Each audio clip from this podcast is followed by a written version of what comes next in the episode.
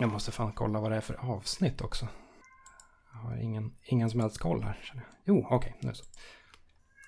Då ska vi se. Och där kommer katten också. Där kommer katten. Detta är tredje gången gilt avsnitt 310 och jag pratar med Alexandra Nilsson Tofse. Mm. Halloj! Välkommen! Tack så mycket. Tack.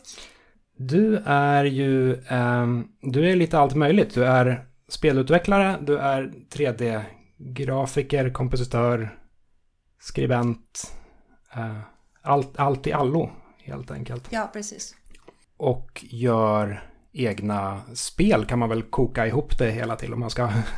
om man ska baka ihop det till en enda, ett enda paket så att säga. Mm -hmm.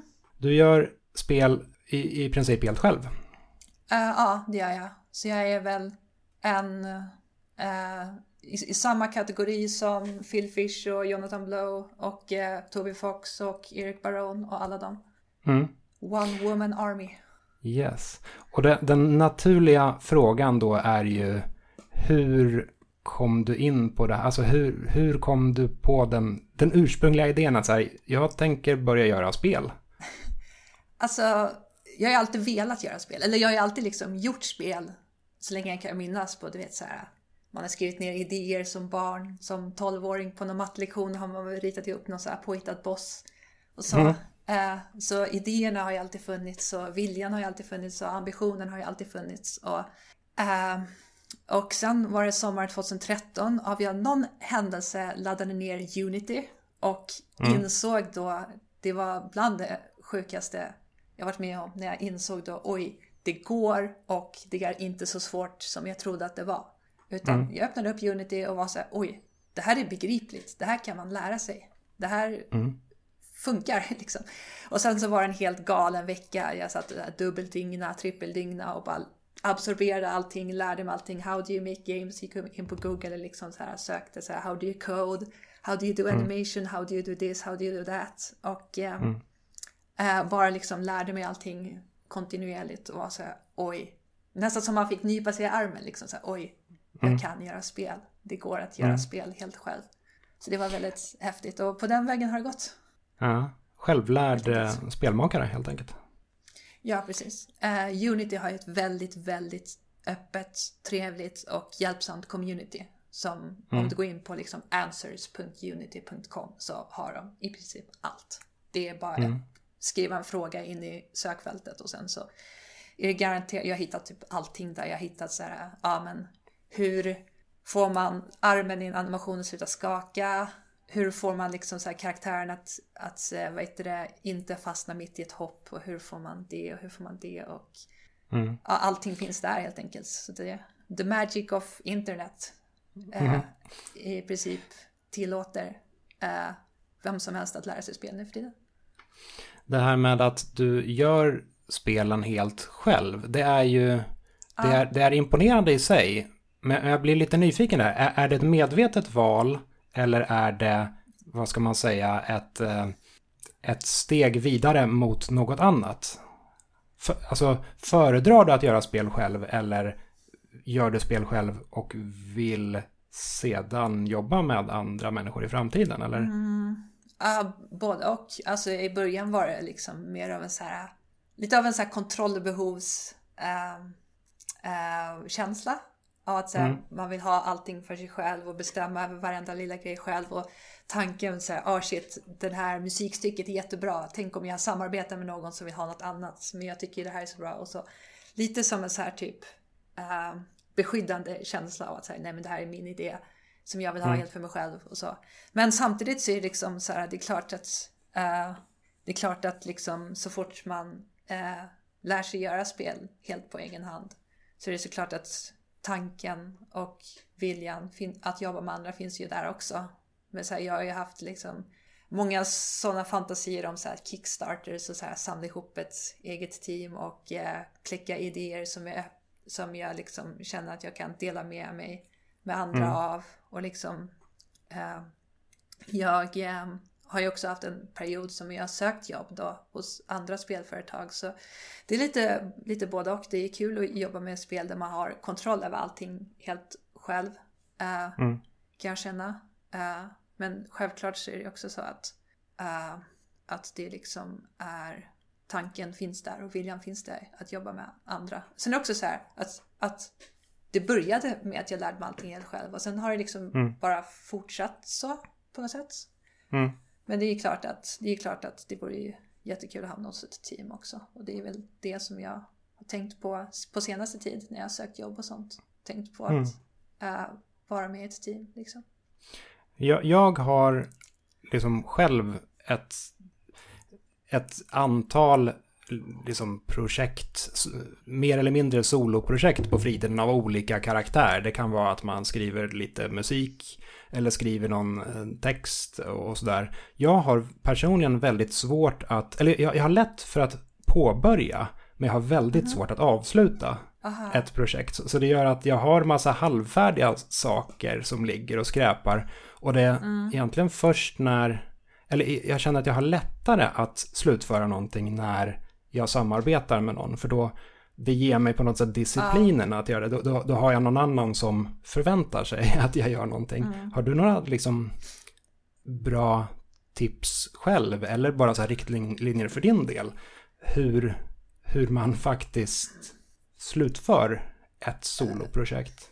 Uh, ja, man har en, man har en publik så, och så sätter man deadlines för den publiken. Och då får man lite eld i baken så att säga för att mm. uh, slutföra någonting. Eh, jag har ju bara släppt eh, två stycken spel. Första hette Sigrid in the Mörkret, det andra hette Serenas Toys. Och båda var spel som liksom var så här, jag sa till folk så ja ah, men det släpps 17 maj eller whatever. Och eh, då blir det så att det är klart att jag tror att liksom, jag har haft ett tredje spel som jag jobbat på som jag aldrig sagt till någon att jag gjort. Och det har ju blivit liksom att det har fisslat ut till förmån för andra projekt som jag håller på med. Mm. Och eh, men just det här, jag märker ju skillnaden som ett releasedatum kan, kan göra. Att då får man lite av en liksom wake-up call och säga det här är på riktigt, nu gäller det. Nu måste mm. det slutföras liksom.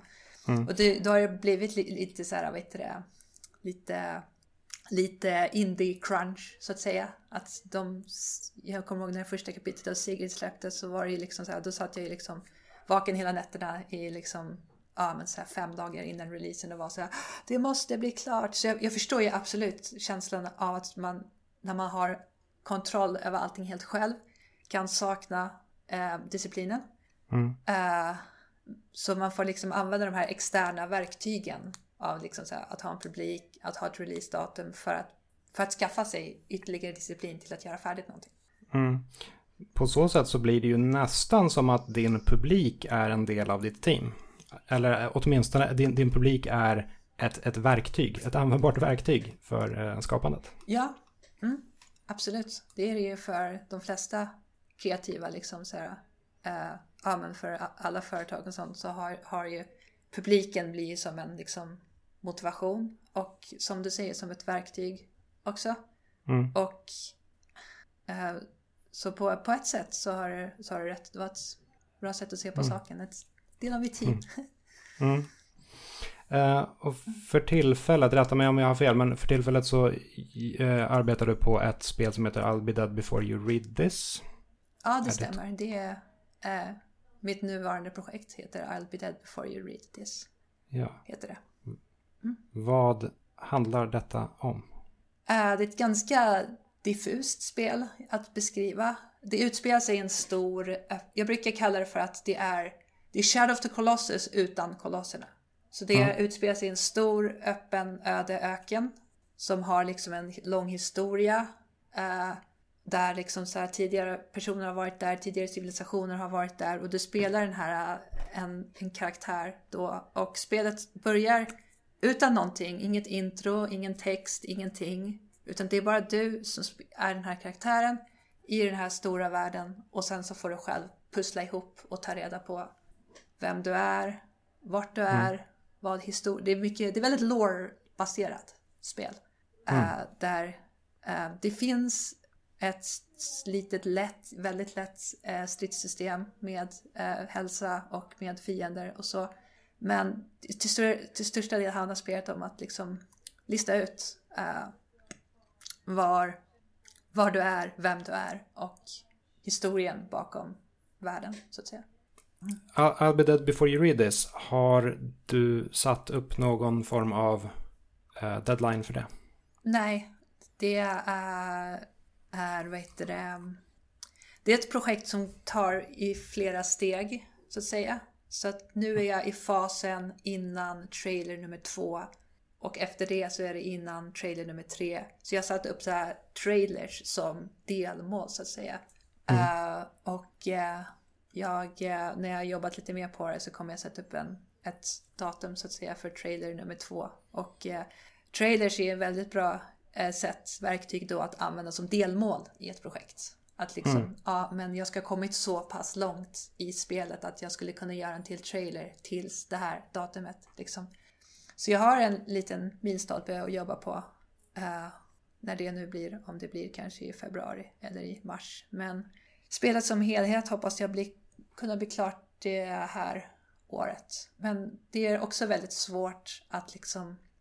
Det är både lätt och svårt att jobba med spel i det att det är väldigt lätt att sätta sig in i ett spel där du har en klar vision och jobba på det. Och om man har mycket självdisciplin som jag så kan man hålla fast vid det och sen få ut det till andra människor när man har satt en deadline. Men det är väldigt svårt, det är frestande att, att um, äh, göra något annat. Och komma, om man mm. kommer på massa galna andra nya flashiga idéer så är det frestande att liksom ta det istället, lägga det här på hyllan och sånt. Och, så inspiration i, överlag tycker jag kan vara väldigt eh, nyckfullt och så. Helt mm. plötsligt har man inspiration till det här, sen har man inspiration till det här. Uh, men uh, arbetet just nu med spelet går ganska rätt, rätt så bra framåt. Så mm. jag hoppas och håller hårt på ett 2021 datum. Mm. Det är väl sånt man brukar snacka om yeah. som feature locks va? Alltså att man helt enkelt låser ner spelet och säger att uh, nu, nu, nu, är spelet det här. Nu, nu får det inte, nu ska mm. det bli klart istället för att bli någonting annat. Och sen mm. slutar man sväva Precis, iväg. Det, ja, ett spel kan verkligen ta så många olika riktningar liksom. Och oftast kan det ta olika riktningar beroende på för hur, hur, vad du spelar för något om du kanske jobbar med ett spel och sen så kanske du spelar så här typ Ja ah, men du spelar Control och bara shit Control är jättebra. Nu vill jag ha FPS-element i det här spelet. Så gör om spelet så att det är ett FPS istället.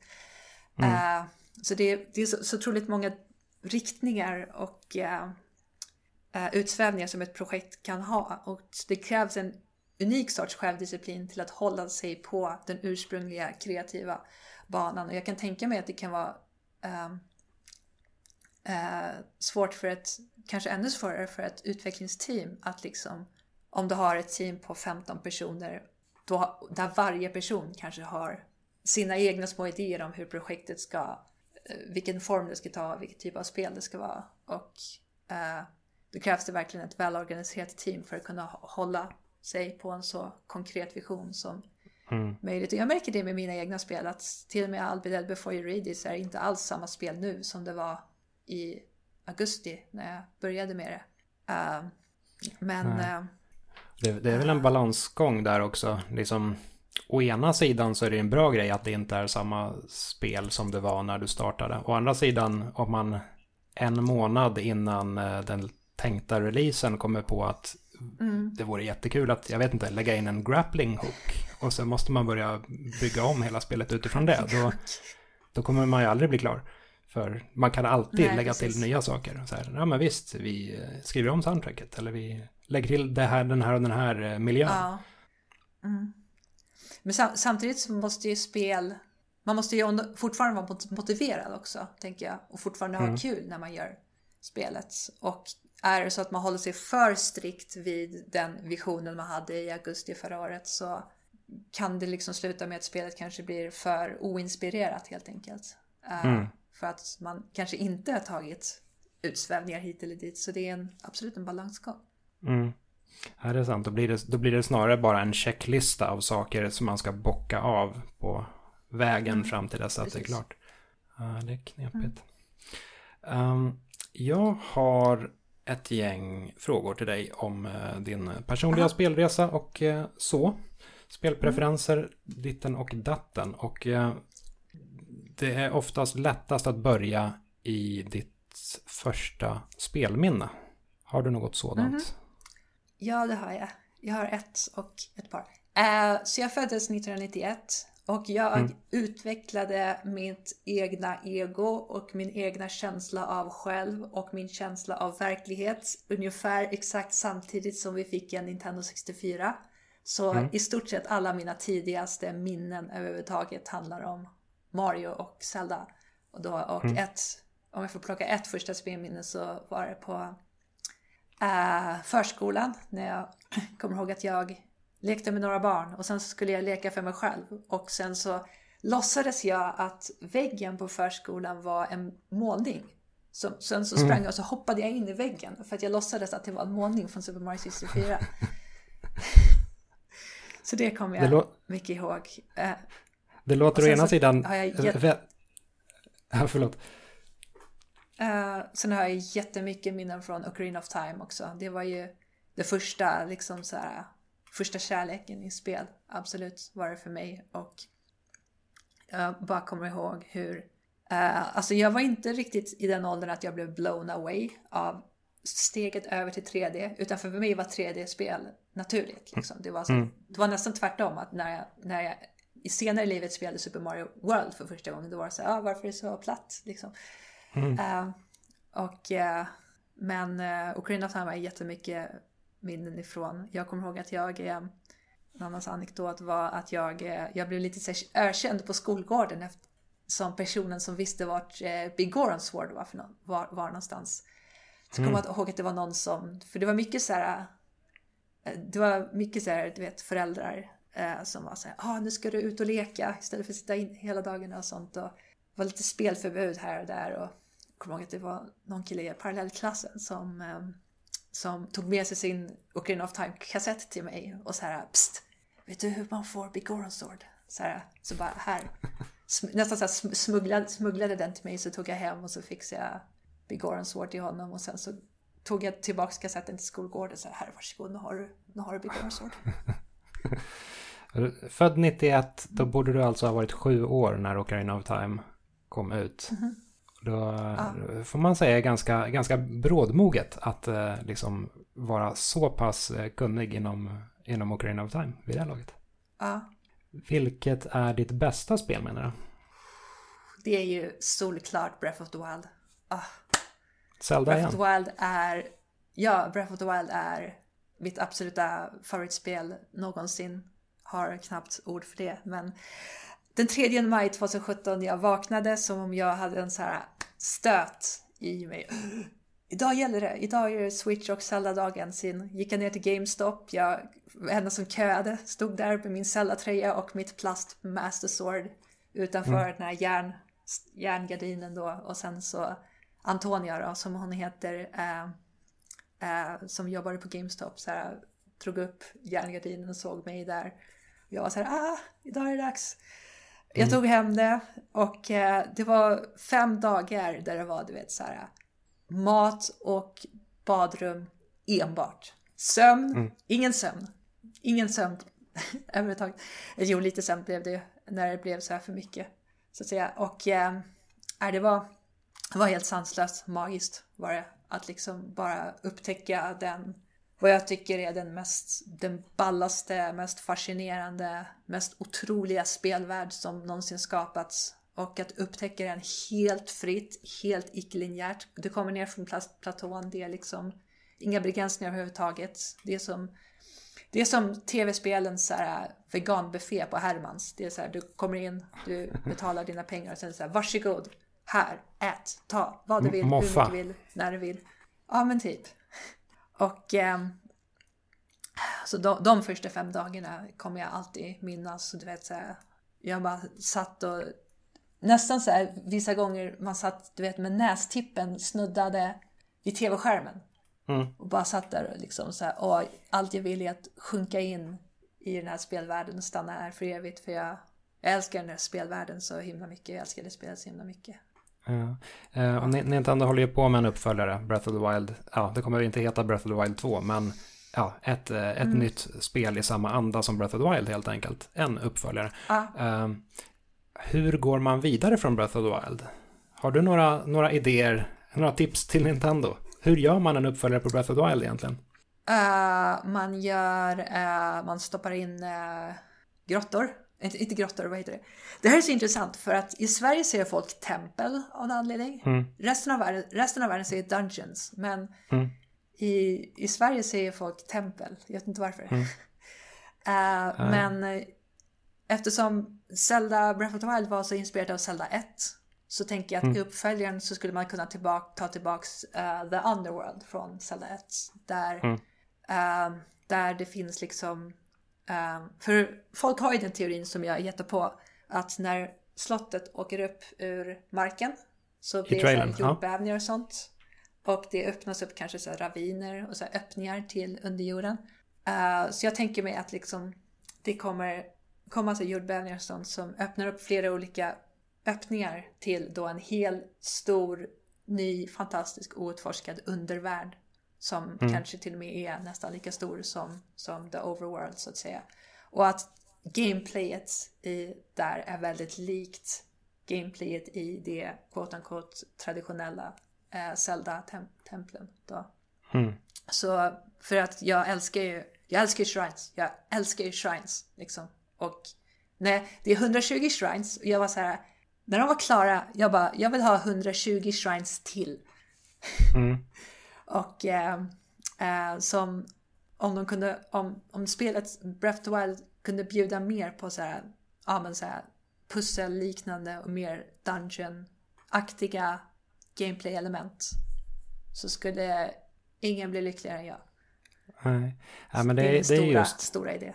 Ja, för det, det är just mm. kanske två, två grejer som ja, det är väl inga revolutionerande grejer jag säger nu här, men templen, eller dungeonsarna i, i Breath of the Wild mm. påminner ju inte riktigt om dem i de gamla spelen. Och Nej. Dungeons i de gamla spelen är ju så pass bra, så man, vill gärna, man skulle gärna vilja ha lite mer av den grejen. Så det, det, vi har det och sen mm. har vi även vapensystemet som kanske inte är helt hundra i Breath of the Wild. Uh, Nej, det mm. kan vara lite obalans kan vara obalanserat ibland, det stämmer. Ja. Så liksom, för mig som inte jobbar på Nintendo och ser allting utifrån så verkar det vara de två sakerna där det finns utrymme ja. för förbättring. Men man vet ju inte riktigt hur Nintendo tänker. De har ju en förmåga att inte riktigt tänka som man själv gör alla Nej. gånger. Det är det också som gör dem så intressanta och oförutsägbara, tycker jag. Mm. Det är så här, när Mario Odyssey kom och det är så här, ingen hade ju kunnat se från något håll någonstans att vi skulle till New York i ett Mario-spel. Men det, det var det som hände. uh, vilket var det första spelet du köpte? Ja, alltså jag är en sån person som uh, spelade mycket på grund av mina storebröder. För det var mina storebröder mm. som hade spelkonsolerna. Det var de som introducerade mig liksom så här, för att jag var det yngsta barnet som kollade på när grabbarna spelade Final Fantasy 7 och, eh, och sådär. Och alltså det var ju, det var ju GameCube som var min första som jag ägde själv. Jag har kvar den. Jag tror att det är den äldsta, enda äldsta saken i hela min lägenhet. Min första GameCube från 3 maj 2002. Um, mm. Så jag köpte den och uh, Luigi's Mansion. Och senare också Melee var för mina surt förvärvade månadspengar så att säga. Mm.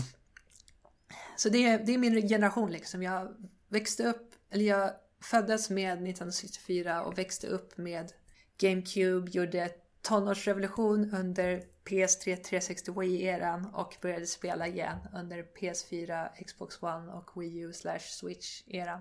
Så det är liksom min lilla tidslinje. Men eh, mellan liksom att jag var eh, 11 till att jag var eh, 14 så handlade det typ så här, var nästan som att hela mitt liv handlade om GameCube. Jag gick hem från skolan, spelade och uh, gick la mig och sen så upprepade det. Den enda skillnaden var sommarloven då jag spelade varje dag istället. Mm. Utan att behöva gå till skolan. Det borde rimligtvis ha varit något av GameCube-spelen som var det första du köpte på dig för egna pengar med andra ord. Ja, Luigi's Mansion var det. Det, det var det. allra första. Ja. Vilket spel har du lagt ner mest tid på, om du får gissa? Mm, jag har ju, trots att jag älskar det så himla mycket, så har jag ju bara lagt ner 750 timmar på Breath of the Wild. Jag tror faktiskt det är Melee. Faktiskt. Jag tror Melee var uppe i tusen timmars strecket någonstans där. Det var ju liksom, det blev ju partyhitten nummer ett i kvarteret så att säga. Mm. Jag och mina klasskompisar var ju, var ju besatta av mailen. Vi var ju så här, äh, alltså Smash eh, för det första tyckte jag var så himla häftigt för att jag såg ju Smash 64 och var så här, är det här ett Zelda-spel? Liksom så här, vad gör Mario i ett Zelda-spel för något? Och sen när man lärde sig då att um, alltså, oh, shit, det här är ett fighting-spel med alla Nintendo-karaktärer. Uh, uh, och då var det så här, oh, shit vilket coolt spel. Och sen du vet när vi prenumererade på, om du kommer ihåg, Club Nintendo-tidningarna. Uh, mm, visst. Uh, och när, när vi fick hem dem så här varje, varannan, var tredje månad när det nu var. Uh, och såg de första bilderna på Melee så var det så här, oh, shit man kan spela som Bowser och ah, och så. Så det var ju definitivt en, Melee var en era för mig och mina kompisar så att säga. Så vi spelade ju, vi spelade sönder och samman och uh, jag, jag, var, jag var Falco. Falco var min main. Jag blev lite, lite addicted till att ta folk uh, göra neråt grab smashen och sen sköld den direkt efteråt. Det var så himla mm. cool move att göra. Och att uh, använda neråt A på folk som precis är på väg att ta sig tillbaka in i arenan. Då kände man sig, mm. mig som en riktig badass när båda hade en, en stock kvar och ena kom liksom var på väg tillbaka in i arenan så hoppar man med Falco och ja det kändes bra kändes bra. Kör, kör du fortfarande Smash? Uh, nej, det gör jag inte. Jag blev, jag blev besviken på Brawl. Jag blev lite mer besviken på... Um, Ultimate? Uh, nej, på Smash till Wii U. Uh, tyckte inte jag var så bra. Och... Um, och Ultimate är fantastiskt. Jag har spelat Ultimate. Jag tycker Ultimate är ett fantastiskt spel. Verkligen eh, fullträff spelmekaniskt och verkligen mm. med en fantastisk känsla. Men man har så mycket annat i sitt liv just nu så att det finns inte riktigt det här smash-utrymmet längre. Som det nej, fanns när man alltså var liten. Nej, precis. Det, det är ju so saker som kommer och går genom livet och sak, saker förändras. Ja. Uh, vissa saker som man gillade för 20 år sedan, de passar inte in mm. på samma sätt i ens liv längre. Helt klart. Uh, vilken är din favoritkonsol? Det är Wii U faktiskt. Det här får du ta och utveckla. uh, för jag tänker så här, det måste ju vara någon av konsolerna med Breath of the Wild på. Och jag tycker Switch mm. har faktiskt för mig personligen lite längre kvar att gå innan det matchar Wii U för mig. Både av spelbiblioteksskäl och av personlig känslomässigt värde så är Wii U eh, en skatt för mig. Det är det. Um, har, eh, the Wii U var liksom maskinen jag skaffade för jag, jag kom ju tillbaks, för jag gjorde liksom så här typ lite så här uppror eh, från spel när jag blev tonåring. Då skaffade jag bas och började spela i rockband och var lite så här spel är för töntar. Inte för spel för töntar men så här, då var spel på väg ut ur mitt liv till förmån för hårdrocken liksom. Och eh, mm.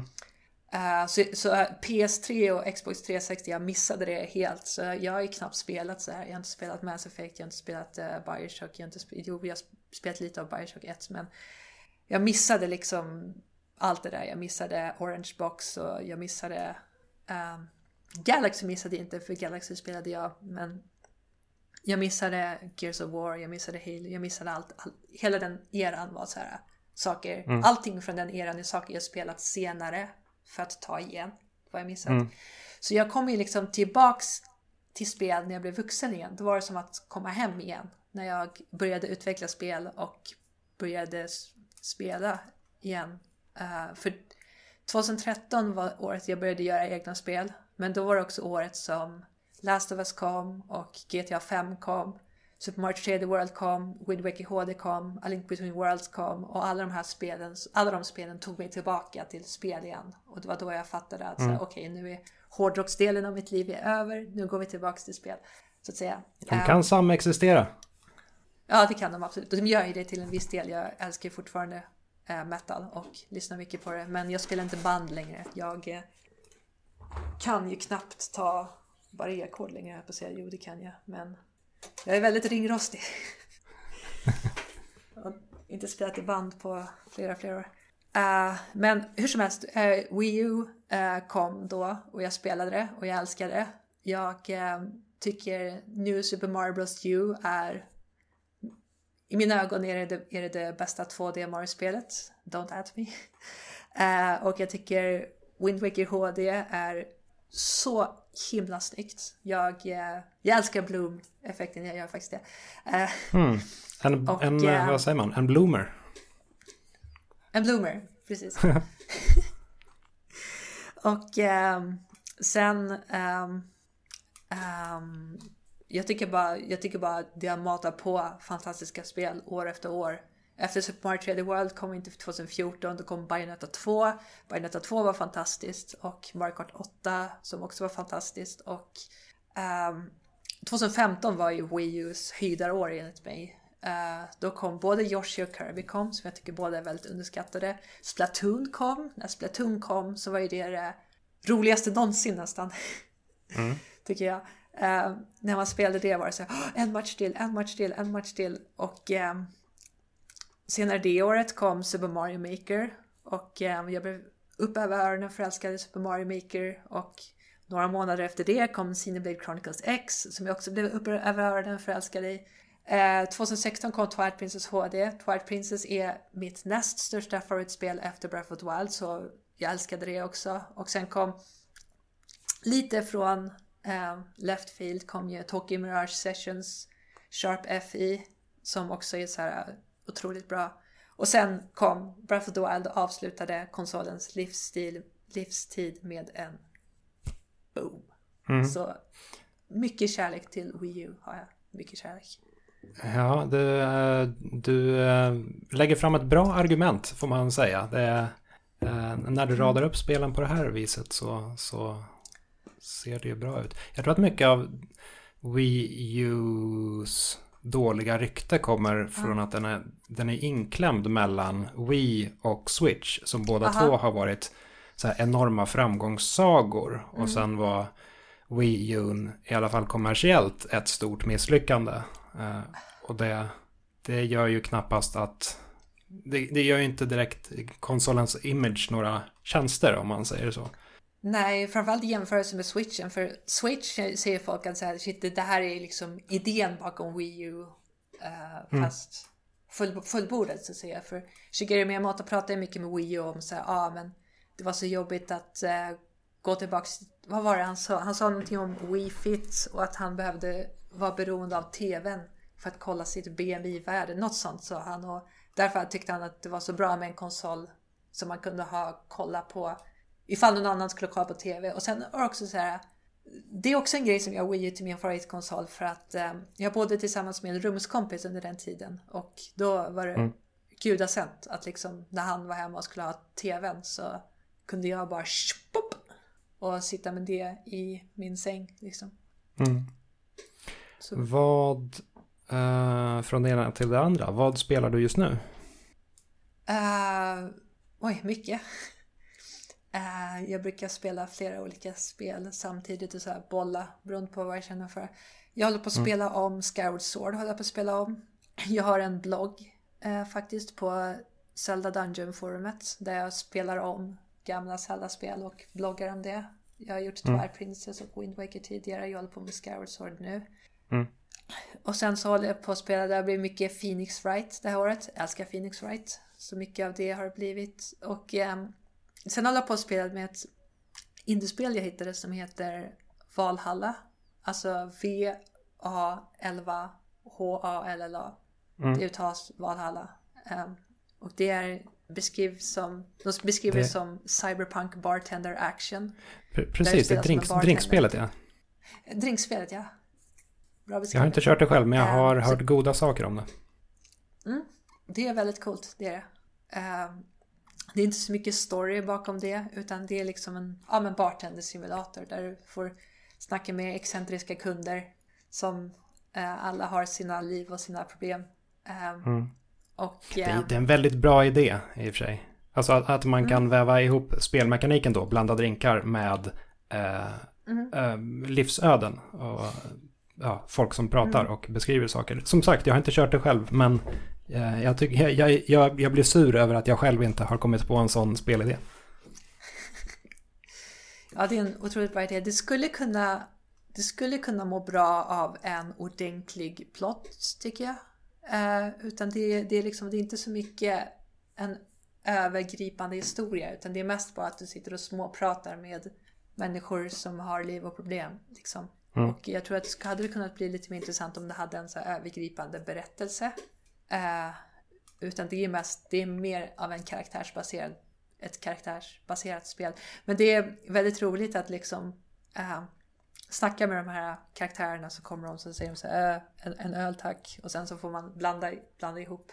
Och sen så får man olika så här, um, vad heter det? Uh, tipp. Uh, vad heter det på svenska? Tipp. Dricks.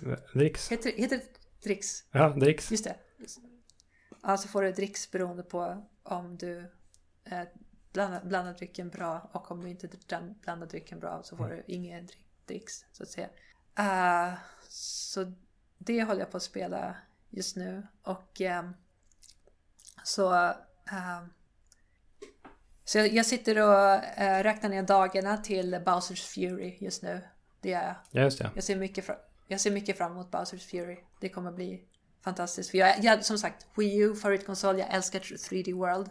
3D World är ett av de bästa Mario-spelen enligt mig. Och att få en 3D World-port med ett helt nytt så här, sidoäventyr som verkar vara så här, nästan ha lite Odyssey-DNA i sig. Tror mm. jag kommer bli helt fantastiskt. Ja, Nintendo sitter i en bra sits nu i och med att de har hela den här Wii U-spelskatten som ändå ganska ja. många spelare inte har upplevt och som mm. borde vara hyfsat lätt att konvertera över, bara flytta till mm. Switch. Uh, och egentligen så de borde ju ta precis hela Wii U-katalogen och bara tjoff över till Switch. Porta allt, porta allt. Ja. ja. Porta på bara. Uh, jag, jag, blir alltid så fascinerad när, ja, men, när, när man frågar någon människa uh, vad, vad denna spelar just nu. Uh, I ditt fall då mm. spelar Skyward Sword och Phoenix Wright och Valhalla. Mm. Och det är, det är tre spel som jag själv liksom absolut inte hade tänkt mig att spela. Jag, jag, säger inte att det är något fel på spelen. Jag säger bara att det, det finns så otroligt, otroligt många spel och spelidéer och, och framförallt grymma spelidéer. Så å ena sidan så får man nästan lite svindel över bara ja, det stora spelhavet. Hur mycket, hur mycket det finns, ja. Otroligt mycket ja. det finns. Å andra sidan så blir jag alltid lite, vad ska man säga, stolt över spelmediet som helhet på något mm. sätt. Alltså det rymmer så otroligt mycket. Själv sitter jag och spelar, jag började spela eh, så sent som igår ett spel som heter Cyber Shadow. Som är så här Aha, nyproducerat Ninja Gaiden-aktigt spel. Det kom, uh, upp på, det kom upp på Game Pass ganska nyligen såg jag. Ja, precis. Så uh, på Game Pass-appen. Ja, utvecklat i Finland, eh, utgivet av Jakt Games som gjorde Shovel Knight. Just det, och ja. liksom, det är svinbra. Det är så här ett nyproducerat retrospel med fantastiskt soundtrack och så här. Och, och det är bara mm. en droppe i den här enorma, enorma floden, flodvågen, tsunamin ja. av spel som kommer mot den. Mm. Som sagt, jag, jag, det, det, det, är en märklig känsla, men på något sätt blir jag imponerad och, och ja, som sagt stolt mm. över, över spel, vad spel kan vara. Ja, man blir också det som jag som också är egenutvecklare och ser upp till väldigt många andra eh, soloutvecklare. Så jag blir väldigt stolt över att se liksom på indie-scenen Mm. Uh, vad folk, både solutvecklare och team, vad som händer där och vad folk gör, gör där. Och liksom, jag har ju följt indie-scenen ända sedan Braidfest och Super Meat Boy-dagarna och se att ha sett det i realtid, vad det har vuxit till och vad det har blivit. Och se liksom hur storspel idag vågar ta samma risker som indiespelen tar. Trots att mm. de har så mycket vad heter det, pengar som står på spel. Så Mm. Bara en sån sak som att liksom eh, Square Enix satsade stenhårt på Yokotaro och bara nu, nu gör vi ner Automata liksom. Mm. Det vet man inte. Det vet man inte om någon stor utgivare hade tagit en sån risk. Ja. Och det blev en 10-15 år jätteframgångssaga. sedan, Det gick ju Mm. skitbra för, Verkligen. för ner. Ja, Jag, jag blir... Eh, på sätt och vis kan jag nästan bli lite irriterad över, över, över de här riktigt grymma indiespelen. Eh, Du nämnde Fest till exempel. Alltså. Bara så här, första gången jag hörde, hörde talas om Fest, så så här, ja men det är väl, det, det är en så självklar idé. Det är så här, ett spel som är 2D men som man, kan vrida till ett annat 2D-plan. Så det är 3D fast 2D. Det här, det här är så briljant. Varför har ingen gjort det här tidigare? Och, och sen kommer det här, Ja. var, varför, varför tänker inte jag i de här banorna? Det, det är någon slags Ja. indie-avundsjuka Ja. jag känner ibland. För det, och det, det tar liksom aldrig slut heller. Bara så här, Cyber Shadow som jag spelar Ja. just nu. Det har, det i mångt och mycket ett ganska traditionellt actionspel i 2D med pixlar. Men sen har det vissa små detaljer som att man kan uppgradera spelets checkpoints. Som, så att de ger en permanenta små uppgraderingar. Men de gäller bara för det, det lilla stycket av spel som man spelar strax efter checkpointen. Och det funkar Aha. skitbra. Och jag, har, jag kan inte minnas att jag någonsin har sett det här i ett 2D actionspel tidigare. Och då, wow. Det, det, går fortfarande att kläcka grymma idéer. Och ja. liksom spel gör det årligen. Månadligen. Det är så... Men det är ett så oändligt medium liksom. Du har så mycket att arbeta med. Mm. Du har liksom spel som... eh, ja, men du har spel som... Ta Sayonara Wild, Wild Hearts för exempel. För exempel Yes. för, till exempel. Eh, nu gör vi ett interaktivt popalbum och sätter jättemycket fokus på musiken. Liksom. Och sen på helt motsatta sidan har du Breath of the Wild som säger nu gör vi en fantastisk spelvärld med knappt någon fokus på musik. Så från, tar vi liksom så här, sätter allting på spelmekanik och immersion istället. Sen har du Tetris som är bara mekanik. Det har knappt någonting att göra med snygg grafik eller bra musik. Och, så, och sen har du liksom Twine-spel som är, ja men det här är bara story. Alltså det är så många olika element i spel som man kan lägga olika vikt på. Och det är ett så komplext medium och det, det är bara så här oändliga möjligheter på ett sätt. Och jag är så glad att det finns kreativa individer där ute som, som tänker i alla möjliga coola, coola banor. Mm. Nej, men man, man inser ju att vad man än tror sig liksom veta och kanske uppskatta om spel så finns det ändå folk där ute som tänker i andra banor, helt andra banor och ser helt andra grejer i spel än vad man själv gör. Och det, det är så häftigt att det är så. Från det ena till det andra igen. Aha. Vilken spelmelodi nynnade du på senast? Ehm, jag eh, blev för några månader sedan blev jag stört förälskad i 13 Sentinels Aegis Rim. eh, som är ett sp- spel som jag eh, tycker jättemycket om. Och ehm, spelet har ett intro med, det är precis som Nier Automata, att det är så här på, intro med ett påhittat språk. Mm.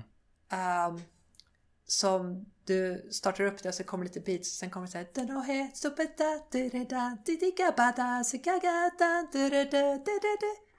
det är så här, vad heter det? Det låter så coolt, gör det. Det är liksom, det är helt påhittat språk och eh, det är väldigt, väldigt snyggt. Det är det. Mm. Det är bara den låten i det soundtracket som har ett påhittat språk. I Nier Automata så är liksom hela soundtracket det är nästan som ett helt, helt eget språk. Men den, eh, det introt och den spelmelodin är, fastnar väldigt lätt i, i huvudet. Så den nynnar jag ganska ofta på till och från. Mm. Och spelet i sig, det är ytterligare ett exempel då på ja, men, hur man kan göra ett spel som inte riktigt påminner om andra spel. För det är ju ett, g- ett storydrivet spel som inte har så mycket spelmekanik men som har en så här väldigt bo- bombastisk inramning med stora eh, ro- robotar och små människor som och de små människornas eh, liv och leverne i inramning av de stora robotarna. Ja, Nu låter det nästan som att jag har spelat spelet, men det har jag inte. Jag har bara läst om det. Ja, ja, det, Det är det, är, det är med på min långa lista över spel jag verkligen borde spela.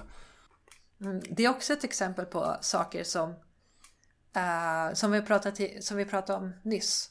Så här, idéer som bara dyker upp och så tänker mm. man så här, wow. Uh, för vi, det finns många spel som är så ja men det här spelet har, ja men som Last of Us har så här, ja, men olika spelbara karaktärer och det är så här, ja men det här spelet har kanske tre spelbara. Så är det någon person som heter George Kamitane och bara nej, vi ska ha 13 spelbara karaktärer. Vi kör på det. Det är en bra idé. Mm. Mm. Och eh, då och då dyker upp sådana här spel som bara är så här, oj vilken cool idé, helt enkelt. Mm. Jag, jag, tycker att det låter lite som äh, gamla Forbidden Siren, alltså det här skräckspelet i Playstation 2. För det hade också alltså? Flera huvudpersoner, flera olika ingångsvinklar i storyn och det hoppade runt ganska mycket. Sen var inte det jättebra, liksom rent krast, men idén i sig är jävligt cool. Eh, så där finns det mm, säkert, okay. där finns det material för att göra många spel, liksom inte bara i just den här eh, specifika genren, utan jag vet inte, Naughty Dog skulle kunna göra ett spel med multipla huvudpersoner.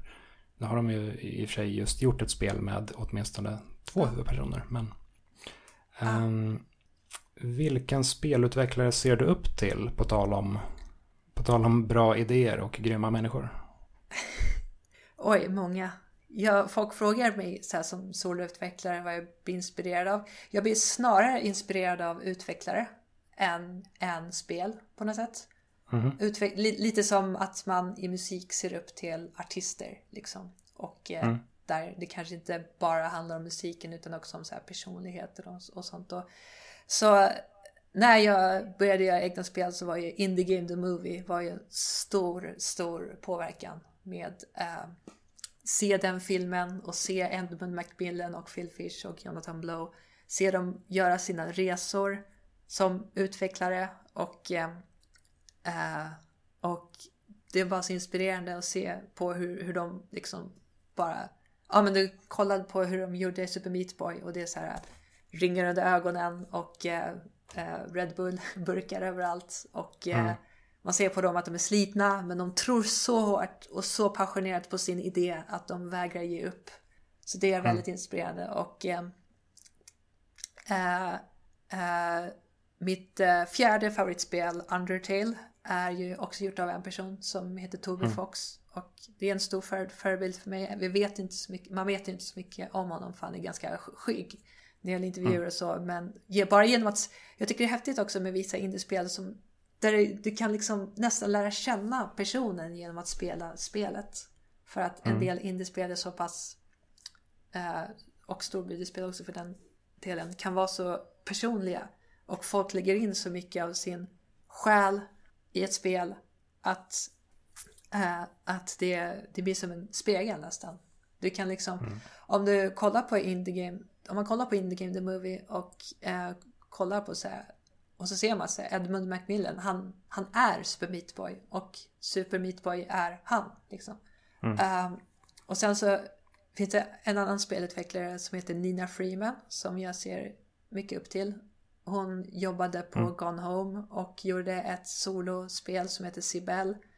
Eh, som handlar om ett par som eh, träffas i ett fiktivt online-spel som heter Valtameri. Och det är en kärlekshistoria mellan dem. Eh, och eh, henne var till och med så att jag, jag, bara, jag är tvungen att skicka ett fan-mail. Där jag skrev att mm. det spelet betyder mycket för mig. Och eh, jag fick ett svar. Eh, nice. Gjorde mig glad. Eh, och i um, i, um, uh, på stor budgetvärlden uh, så att säga. Så jag, uh, jag ser mycket upp till Fujibayashi, det gör jag. som då är direktör, dirigent. Regissör. Mm, regissör. På, regissör på Scarred Sword och Breath of the Wild. Och de gjorde ett, en GDC-föreläsning om Breath of the Wild och hur de skapade det och eh, där han pratade mycket om sina idéer kring ja, jag vill göra ett aktivt spel med multiplikativt gameplay och la fram så här jättekola teorier kring eh, idén och filosofin bakom designen i Breath of the Wild och sånt. Och, eh, mm. eh, och eh, sen tycker jag mycket om eh, Yoko Taro också. Och eh, Nier Automata är också ett av mina favoritspel. Och där kan man också se mycket av honom och hans personlighet återspegla sig i det spelet. Och sen är han en, lite av en lustig figur också. Eh, Mm. Ja, han har ju tycker på man- sig en rund mask varje gång han vill bli intervjuad.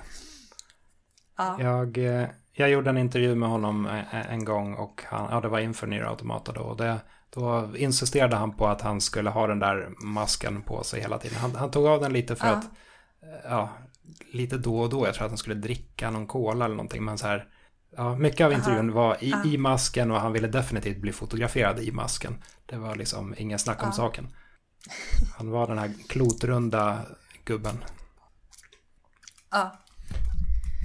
Och eh, ja, shit, jag skulle kunna fortsätta ett bra tag till. Men det där är några av de personerna som jag ser upp till och som jag inspireras av. Mm. Om man då spinner vidare på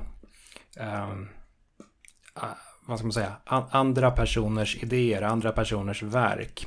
Eh, om du fick chansen att göra en ny del i en existerande spelserie och fick göra i princip vad du ville med den. Eh, vilken skulle du Oj. välja och vad skulle du göra med den i så fall? Ah, wow. Det vore ju häftigt att göra ehm, Life is Strange 3, tycker jag. Ja. Vore häftigt att göra. Vad jag skulle göra med det är att jag skulle... För de har ju gjort, både med ettan och tvåan har de gjort så otroligt olika... Um, otroligt olika eh, settings. Liksom. Ett var helt skolbaserat och tvåan handlade om ett, två bröder som var på flykt. Och, och ehm, eh, eh, Men det, det är ju jag, spel... ehm, Ja, det, det, det är spel med... eh, där storyn ligger i fokus snarare än gameplayet och där Mm. val som man fattar i storyn är, är vad ska man säga, det stora dilemmat för spelen. Precis. Det är som spelvärldens version av de gamla, jag vet inte om ni läste Dilemmasagor när du gick i skolan, det gjorde vi. Där eh, läraren Nej, en saga. vi, vi hade Nintendo Äventyrspocket. Det var lite Alltså? motsvarande kan jag tänka mig. Det är alltså Choose Your Own Adventure-aktiga historier. Okej.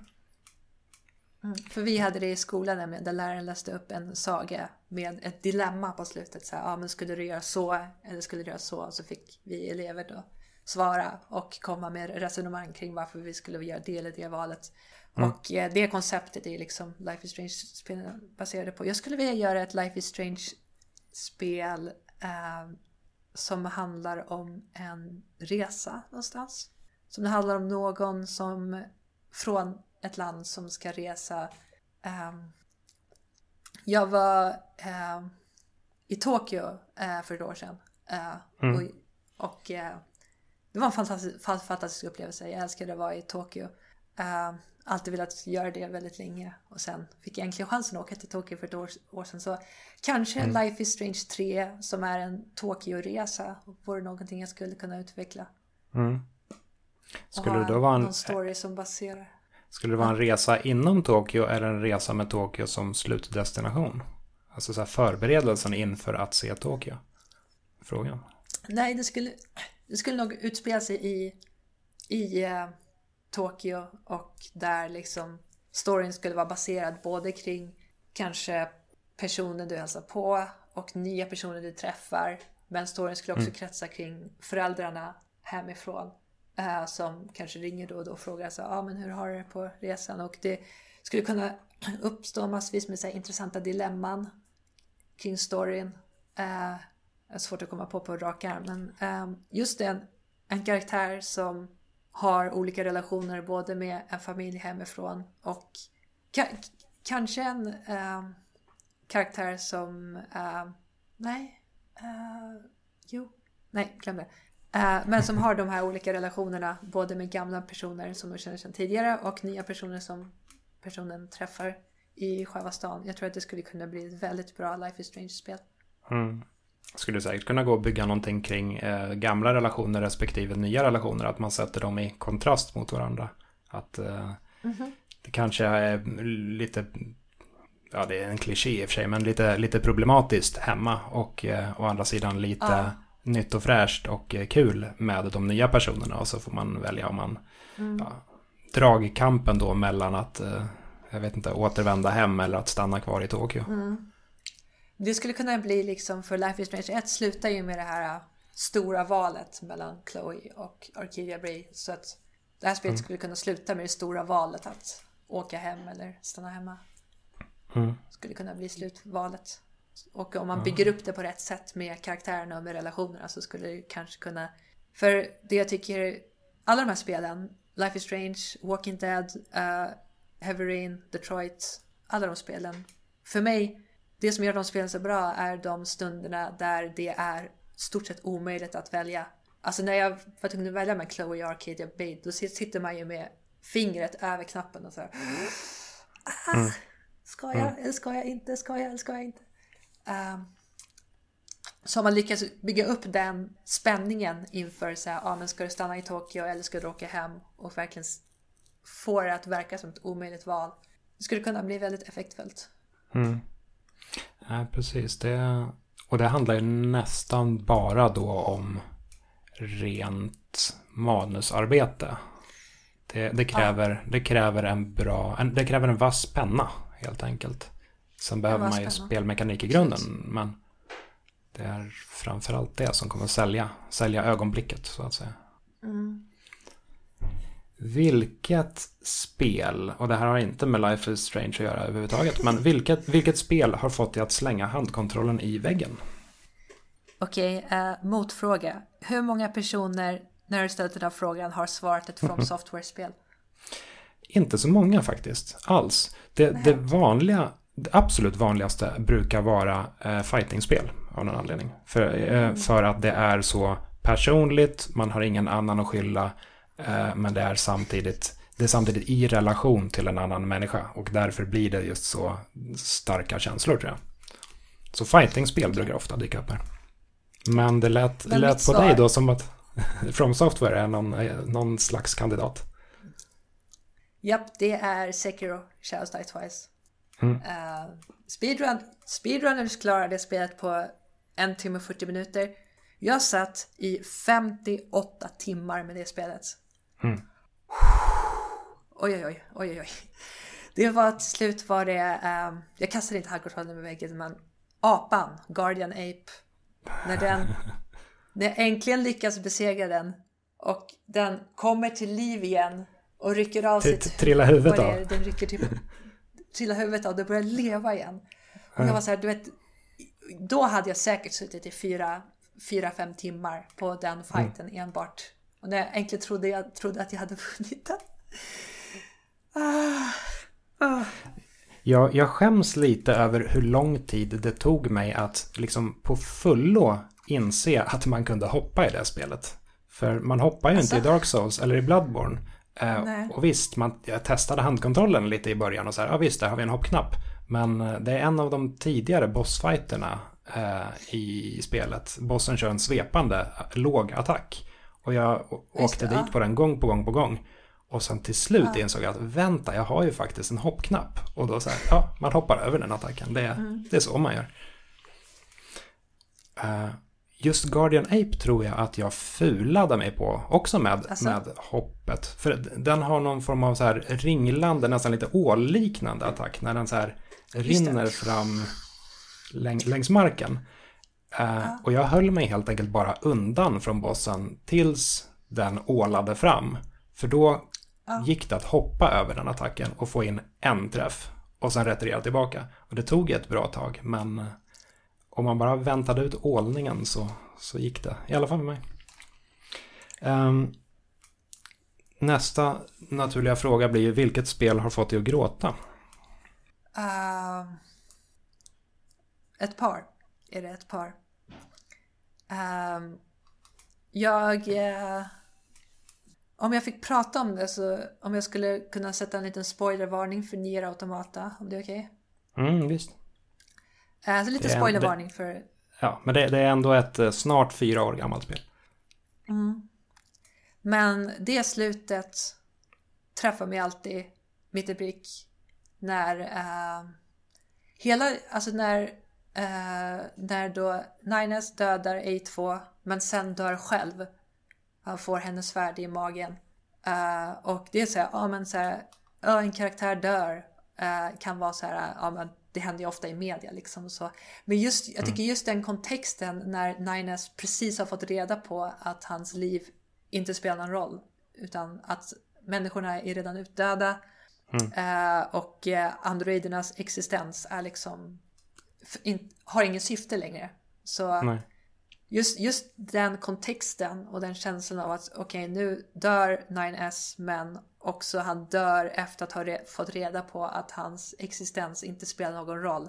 Det träffar mig alltid som, som ett slag i magen. Det mm. det. Och inte, ba, inte bara det, utan också när... Pascal? Eh, vad sa du? Pascal? Eller? Aha, nej, jag tänkte fort, fortsätta. Eh, att det, kommer, det som kommer efteråt när de säger så här, ja ah, men du ville väl också att de skulle överleva. Och sen så kommer det upp på skärmen så här, the end of Yorha och sen kommer eftertexterna och sen spelas Weight of the World upp. Mm. Och sen när det slut, slutar med då att Nines och Tubi ligger bredvid varandra och att de ska få chansen att få sina minnen återställda. Ja, det får mig, det gör mig till en fontän. Mm. Jag måste säga också att uh, 9S resa genom det spelet tycker jag är ganska ja. fascinerande. För första varvet mm, så tänkte verkligen. jag så här, det här är en ganska tråkig karaktär. Och sen, mm. sen liksom varv två och tre så bara den här ja. resan ner i nästan vansinnet. Så här. 9, mm. 9S är ju inte en jätteglad karaktär i början, eller i, i slutet av spelet. I början Nej. är han lite träig mest. Så bara, ja. det här förfallet av 9S är är väldigt effektivt. Mm. Mm. Uh, nej, jag, jag, jag funderade på om, om stunden med Pascal också var en, en stark stund för dig i Nero Automata. Uh, alltså, vilken stund syftar du på? Uh, ja, i och för sig, det är ju ett val, slog det mig nu. Men med Pascal som har hand om den här robotbyn. Ja, just det. Ja, för jag, jag har inte gjort så mycket sidequests i Nero Automata. Jag bara gjort storyn main mm. storyn så att säga. Då kanske jag egentligen inte ska prata så mycket om Pascal. Eh, utan kan, snarare säga att inte, eh, om, om du känner för att eh, spela lite mer ner, ner automata så här mellan mm. Skyward Sword och eh, Phoenix eh, Wright. Så fokusera på Pascal eh, Sidequesten. Absolut. Oj, nu, jag känner att jag råkade spoila alldeles för mycket inom den här spoiler-taggen. Nej, nej, nej, Nej, nej, nej. Det, det gör nog inget. Uh, ja, jag, uh, det, blir dags, det börjar bli dags för en ny replay snart eftersom Replicant är på G. Mm. Så jag brukar tycka om att spela om så tidigare uh, spel i en serie när, när nästa del i serien kommer. Så att säga. Men mm. ser du fram emot Replicant? Absolut. Replicant är ju en ny version av det första ner. Uh, och jag spelade aldrig det första ner. Jag missade det uh, och spelade ner Automata som mitt första ner. Så jag ser väldigt mycket fram emot att, att uh, upptäcka första ner. Fast med, vad ska man säga, under lite rimligare omständigheter med lite polerad mekanik och sådär. ja. Hur, körde du första ner? Nej, jag, miss, jag har också missat det. Jag tror, ja. jag tror många missade det. Det var inte... Mm det var ingen jättehit när det väl kom ut. Utan jag tycker det är väldigt smart av dem att göra en remaster. Uh, mm. Så att folk som blev fans av Automata kan liksom upptäcka rötterna så att säga. Så det kommer mm. bli väldigt häftigt. Det kommer bli. Ja, men då bara här så har vi två stycken eh, potentiella köpare av en replikant. Um, vilken spelvärld skulle du vilja flytta in i? Ja, alltså nu, nu dyker ju Breath of the Wild upp igen. Jag vill ju bo i um, vart vill jag bo? Lurelin bo... Village. Kanske. Kanske. Uh, eller... Uh, jag, jag, vill bo nog, jag vill nog bo i Rito Village. Det är min favoritby. Mm. Rito Village är fantastiskt vackert tycker jag när solen går ner och när lamporna tänds upp. Och det, det är inte jättestor by men om jag får tag på en separat liten um, separat liten sån här hydda för mig själv så tror jag att jag skulle stormtrivas där. Och man kan ju man kan ju hajka upp för berget och hänga lite med Selmi, du vet hon som eh, håller i snowboard, eh, snowboardtävlingen. Mm. För jag eh, eh, snowboardar inte själv, jag åker skidor men jag älskar skidor. Det är Mm. extremt kul. Så snowboard, s- snowboardsurfa i Breath Wild med Selby och sen hajka hem till Rito Village för att äta lite simmered fruit. Det låter som drömlivet.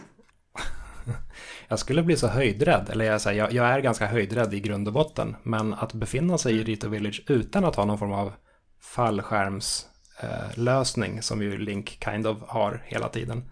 Jag skulle vara Ja. livrädd över att trilla över staketet varje gång jag skulle upp och snacka med Kaneli. Det är sant, faktiskt. Det gäller att vara försiktig. Men om man skulle kan- ha en Ja, det kanske ingår på något sätt. Ja, det ingår kanske i- ingår i... Om du ska flytta till Breath of the Wild, då får du en paraglider på köpet. Ja, det är så här, i, i ditt förstahandskontrakt i Rito så ingår wing, eh, inte Wingglider, även, vad heter den? Eh, Paraglider. Paraglider. Mm. Vi vilken, spel... vilken spelserie skulle du vilja återuppliva? Oj. Uh, oj. Återuppliva. ehm. Det, en- det är ju ganska mycket som, som återupplivas just nu. Mm. Eh, Perfect Dark kommer tillbaka exempelvis. Det ser jag Mm. fram emot. Mm. Spelade, jag spelade inte jättemycket Perfect Dark på Nintendo 64 men det är en cool spelserie att åter, återuppliva tycker jag. Mm. Eh, Helt klart. eh, Perfect Dark kommer tillbaka. Um, återuppliva. Uh, försöker tänka mina favoritspel. Men många av mina favoritspelserier är spelserier som håller på. Typ Persona och Final Fantasy. Och... eh, ja, det är svårt att komma på på rak arm alltså. Ja, det är i och för sig ett, eh, någon slags eh, gott tecken kanske. Eller, eller vad man ska säga, ett, ett lyxproblem. Att eh, helt enkelt ha så pass många spelserier som man eh, uppskattar och tycker om. Så att Ja, faktiskt. Det finns Ja. inga, inga direkta svar på den frågan. Då tar vi den här istället då. Eh, vilket är ditt favoritspel? Eh, det har vi etablerat. eh, Breath of the Wild. Men vilken detalj i det gillar du allra minst? Jag tänker inte svara vapensystemet för jag tycker faktiskt väldigt mycket om vapensystemet. Jag tycker det är intressant att man får liksom improvisera med det du har. Och jag älskar det så Last of Us har lite samma filosofi, att du har begränsade resurser som tvingar dig till att vara kreativ och eh, komma på liksom on the fly lösningar. Kring, mm. nu, nu är jag i den här situationen, nu måste jag... Man får vara lite kvick, spelet ställer krav på dig att vara lite kvicktänkt. Och sen är det såklart, det är inte det mest välbalanserade systemet för det är mycket så här att du stormar in i ett i, ett, eh, i en fiendehåla med så här 13 Royal Claymores och sen så har du sönder alla så får du typ en pinne i kistan och bara ah, okej kul tack. Uh, så det, det, kan vara ganska många sådana, framförallt i bakre hälften av spelet när du har 13 Royal Claymores så blir det att du kanske håller lite i dem för du vet att så här, ah, men du kommer säkert få säm, garanterat bara sämre vapen om du raidar fiendehålor liksom. Mm. Uh, men animationscyklerna på vissa grässtrån är ganska stela. nu, är vi ändå inne på en ganska detaljerad nivå här. Mm. Typ. Det- det- Nej men uh, Ja. det kan vara lite störigt och uh, men okej, okay, ett faktiskt svar är väl kanske frameraten i Korok Forest är lite svår att leva med. Mm. Mm. Men då har man ju ändå var- kanske en, en väg framåt för Breath of the Wild 2. Vi, eh, vi kommer få Ja. bättre eh, animation på gräset eh, och om de här eviga ryktena om en Switch Pro stämmer så kanske vi får ett, eh, Mm. en uppföljare då med eh, bättre framerate. Ja, och eh, det blir intressant, väldigt intressant att se vad de gör med vapensystemet. Om de tweakar det, om de har något helt nytt på G, det vet vi inte. Liksom. Och eh, jag tycker det är intressant är att Link har ju Master Sword med sig i trailern. Och om trailern då är i introt, om trailern är i början, utspelar sig i början av spelet. Det är liksom, vad kommer hända med Master Sword? Liksom? Vad kommer, Mm. kommer vi fortfarande ha vapensystemet och Link har Master Sword från början? Och i så fall, mm. vad är det som kommer hända som gör att han förlorar det och att vi får börja om på nytt med nya vapen. Det är evigt mysterium. Eller det, mm. det är ett stort, hela spelet är ett stort mysterium. Jag vill bara veta vad det är som händer. Ah. Mm. Det är ju ganska lätt att i alla fall så här på förhand dra paralleller mellan den här situationen och situationen med Ocarina of Time och eh, Majora's Mask. Som ja. ju också kom tätt in på varandra och påminde väldigt mycket om varandra. Och i det ja. fallet då så, så byggde ju Majora's Mask vidare på Ocarina of Time-motorn, precis som den här gången. Eh, men la på hela tidssystemet, så det var ja. det som var den stora twisten där. Eh, ska man ta den filosofin och försöka applicera den på Breath of the Wild 2, då skulle ju Breath of the Wild 2 ha mycket av grundmekaniken från Breath of the Wild 1, men de lägger ja. på någonting, e- ett lager som ja. är väldigt annorlunda. Alltså Breath of the Wild 2, men hela spelet är upp och ner. Eller Breath of the Wild, mm. fast hela spelet eh, går på tid på något sätt. Eller vad eller, det nu kan vara. Eller multiplayer. Det är en teori folk har. Ja. Eller spelbar Zelda. Kan man drömma ja. om. Mm. Just det, får jag säga en sak? Det här är Absolut. lite sidospår, men jag, tänk, jag tänkte på det här um, um, eftersom du ju har um, uh, skrivit för Superplay och Level och så, så kommer jag tänka på det uh, för ett par dagar sedan.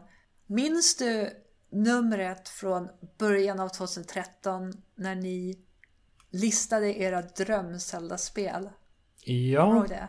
Ja, visst. Jag tycker det är så himla intressant för tre av de spelen hände ju. För det var ju, första spelet var ju någon som drömde om The Legend of Zelda Hyrule och beskrev om att du är i en öppen värld mm. där Hyrule spelar huvudrollen. Och det är liksom väldigt likt Breath of the Wild.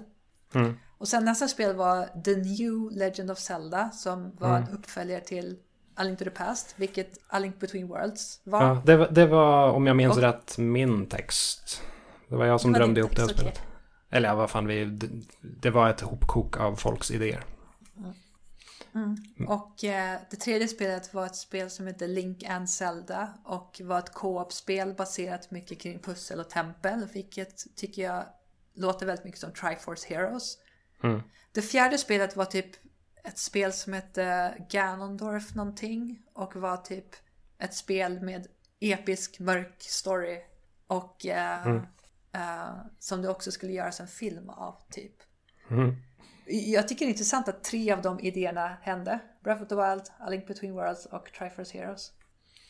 Ja, det är väl, vad ska man säga, det är ju kanske, alltså när man sitter och drömmer om olika spelkoncept, man, man kan ju inte sväva iväg för allt för långt från grundkonceptet. Ska man hitta Nej. på ett, ett Nej, fiktivt Zelda, då, då, det ska ju ändå vara rimligt på något sätt. Och Nintendo mm. på något sätt tänker de ju ändå i samma banor. Att eh, de kan ju inte vända upp och ner på det fullständigt för då skulle det inte vara Zelda längre. Nej. Eh, Nej så, ja, och i och med att vi hade flera olika alternativ där så var det väl till viss mån då också så här ren tur att några av dem råkade sammanfalla någorlunda med, med det Nintendo gjorde.